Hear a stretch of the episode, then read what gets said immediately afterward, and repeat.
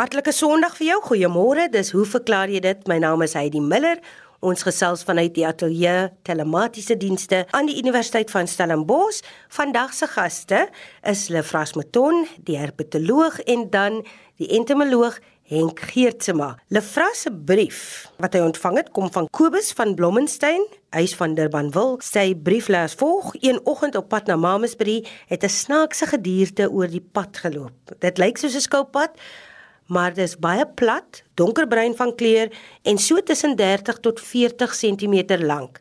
Wat op aarde kan dit wees? Uh, Heidi, luisteraars, ek is 100% seker dat die dier wat Kobus oor die pad sien beweeg het, 'n waterskilpad was en dan spesifiek die moeras waterskilpad, ook bekend as die helmwaterskilpad.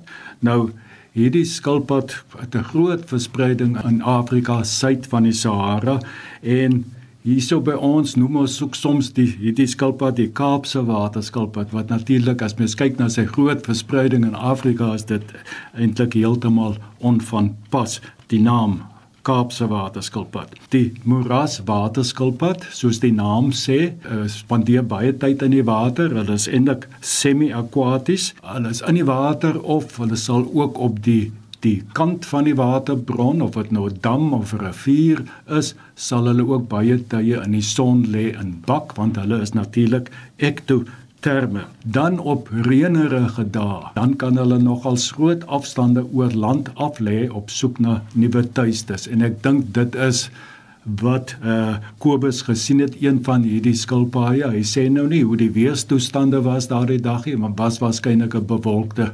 reënerige dag. Soos Kobus waargeneem het, is die Karapax, dis nou die booste deel van die van die dop, is so olyf tot donkerbruin van kleur en redelik eenvormig van kleur. Die gemiddelde lengte van die skilpad is so 28 cm. Ek dink Kobus oorskat so oh, nie te veel nie. Uit 'n motor uit dink ek is dit 'n redelike goeie skatting wat hy gemaak het. Ek wonder of luisteraars bewus is daarvan dat mens eintlik twee groepe, groot groepe skilpaaie kry. Jy kry die een groep skilpad as hulle hulle kop intrek onder die onder die dop trek hulle die kop sywaarts in. Hulle buig die kop so na die kant toe en trek dan in. So as jy dan nou by die voor inloer uh by die opening uh dan sal jy een oog van die skilpad vir jou sien loer. Nou dit is dan nou die wat ons noem die die synek skilpaaie die plerodira die moeraskilpad behoort tot hierdie groep. So volgende keer as jy so 'n waterskilpad kry, loer daarin en dan sal jy sien, daai oog loer vir jou. Ander spesies binne hierdie groep het ons so 'n skanierlyn hier op die onderste deel van die dop, die plastron. En dit beteken die voorste deel van die maaggedeelte van die dop kan opbuig en dan die kop bedek, daardie opening sodat jy nou glad nie kan sien nie. Nou ongelukkig het uh die moeraskilpad het nou maar intree vlak doppie, nee, het nie daardie gevorderde doppie en hy kan nie daai onderste deel opbuig nie om beskerming te verleen nie. Al die skilpaaie wat tot hierdie groep die Plerodira, die synek skilpaaie behoort, hulle is almal waterskilpaaie. En as ek sê water, dan bedoel ek nou nie see nie, uh vaswater skilpaaie.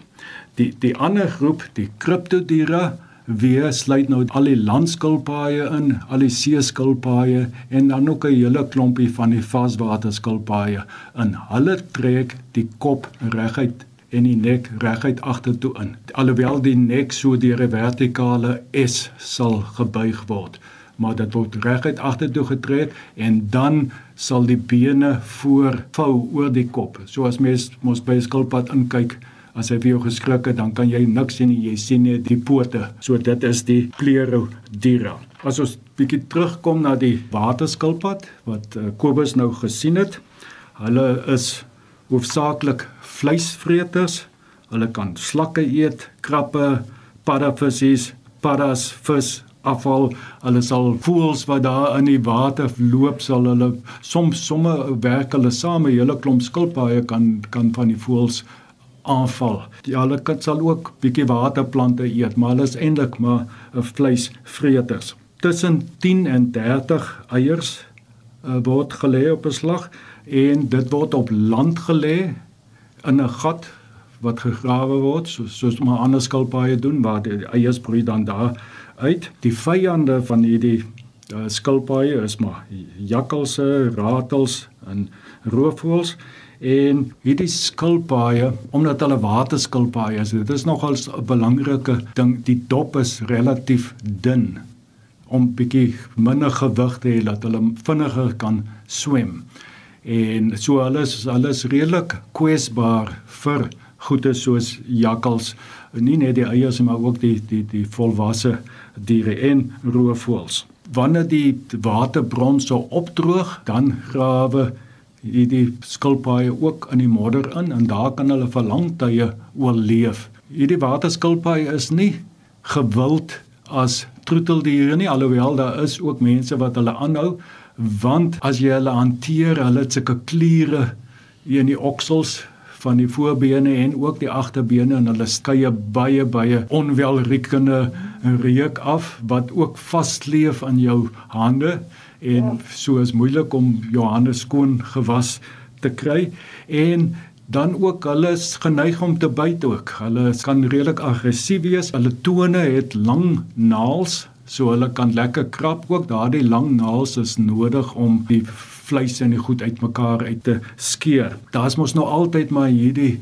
uh storie oor waar skilpaaie ontstaan, was dit in op land of in water. Ek het nou gesê van die die dop wat so dun word, die oudste fossiel oh, nie heeltemal die oudste nie, so 210 miljoen jaar gelede was 'n landskilpad. Dit is in landafsettings gevind.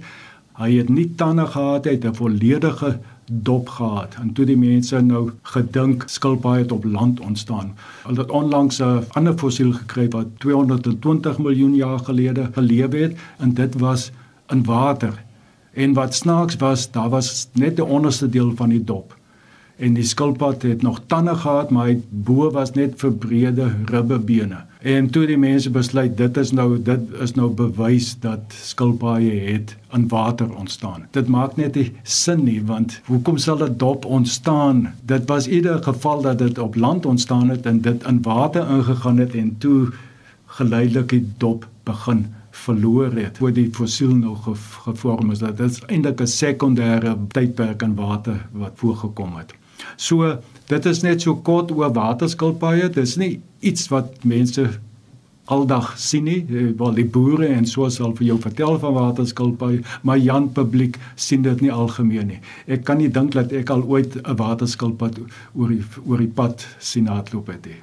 Baie dankie Lefras. Ek hoop Kobus van Durban wil is gelukkig met daai verklaring. Jy luister nou, hoe verklaar jy dit op RSG 100 tot 104 FM?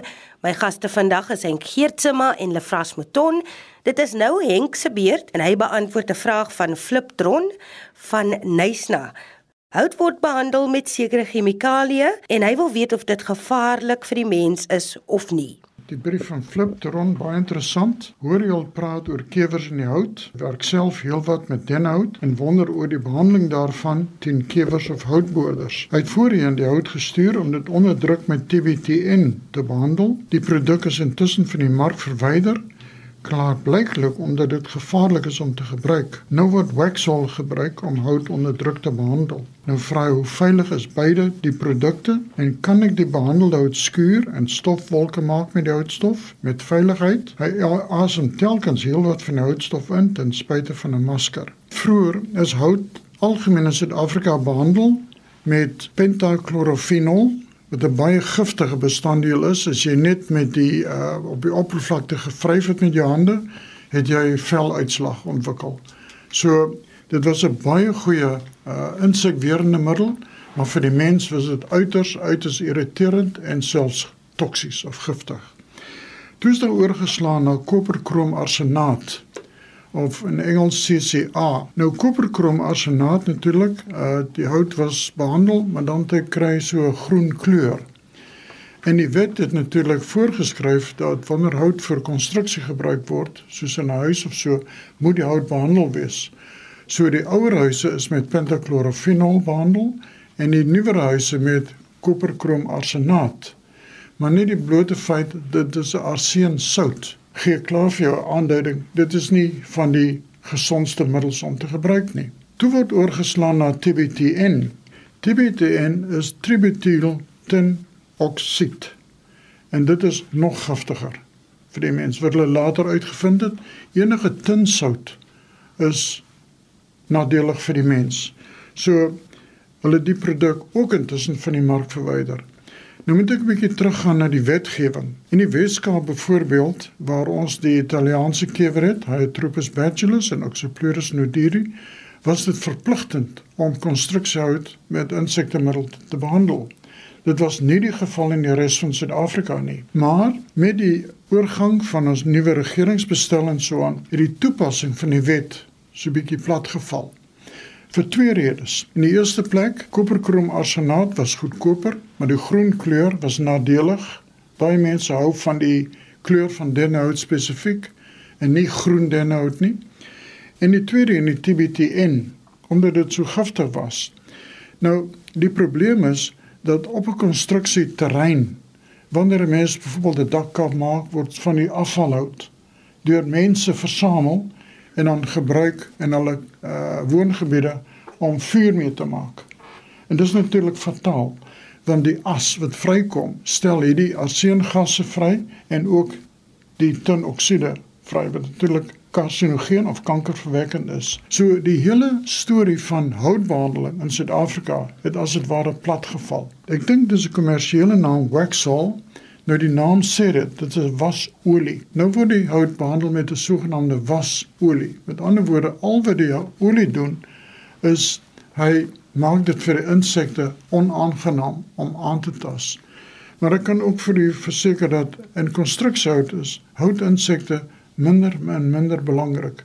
Wat wel belangrik is dat as mens byvoorbeeld loofhout gebruik, dan kry mens dat daar meer en meer houtinsekte opduik omdat Loofhout bestaan uit twee elemente: die kernhout wat nie deur insekte aangeval word nie, maar wel die spunthout.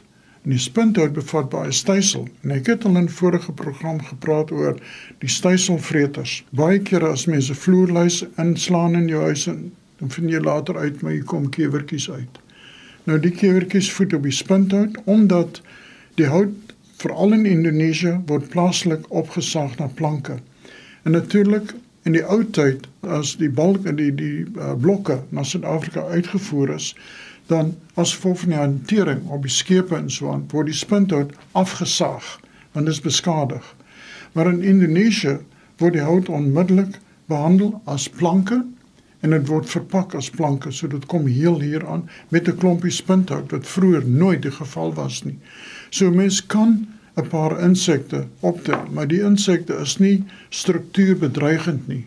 As jy vloerluise 'n paar insekte optel, uh behandeling met 'n goeie deurdringmiddel soos terpentyn en jy kan 'n insekmiddel bysit, maar die terpentyn is goed genoeg om die insek dood te maak, is dit nie so groot probleem nie.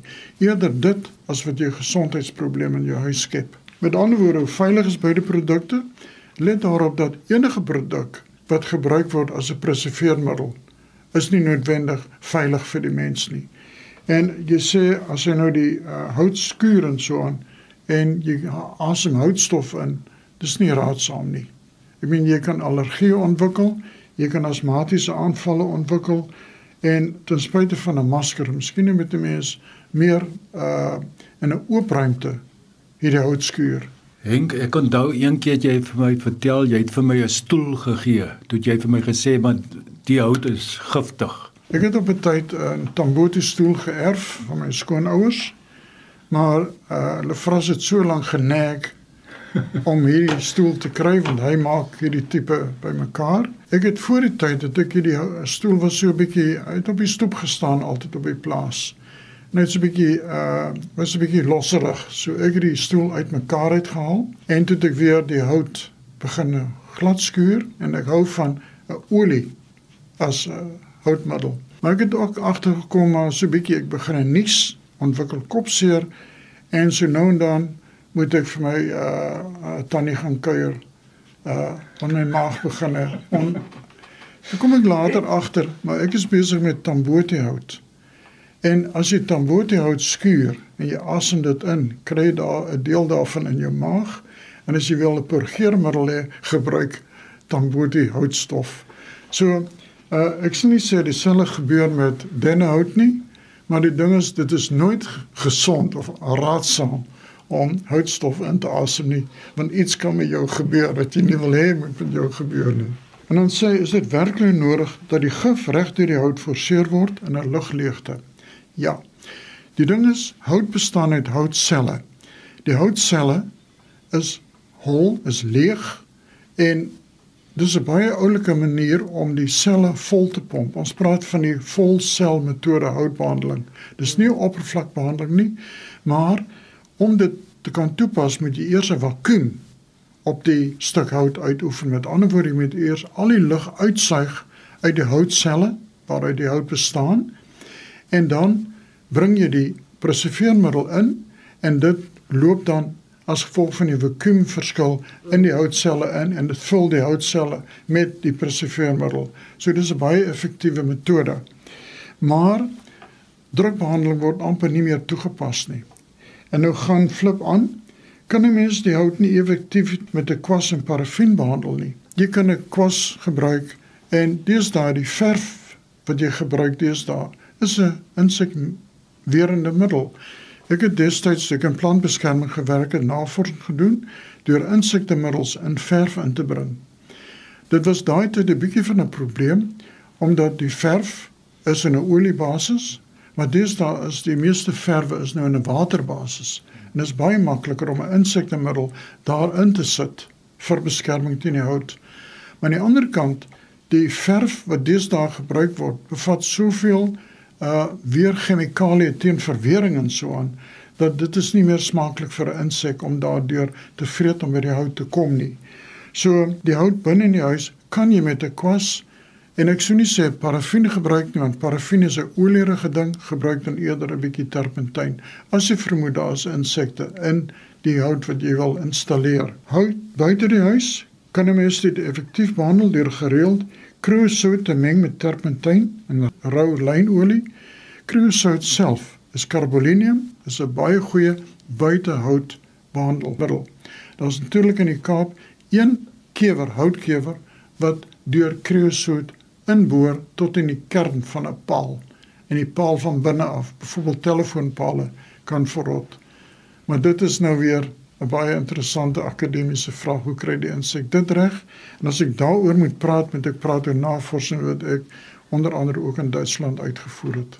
Ons sê baie dankie aan Henk Geertsma. Ek hoop jy's gelukkig Fliptron met jou verklaring. Baie dankie aan telematiese dienste wat vandag se opname moontlik gemaak het. Ek sê dankie aan my gaste, Lefras Mouton en Henk Geertema en dan net weer, jy ken die storie, Heidi by rsg.co.za, dis my e-pos of jy skryf, hoe verklaar jy dit? Posbus 2551 Kaapstad 8000. Geniet jou dag verder.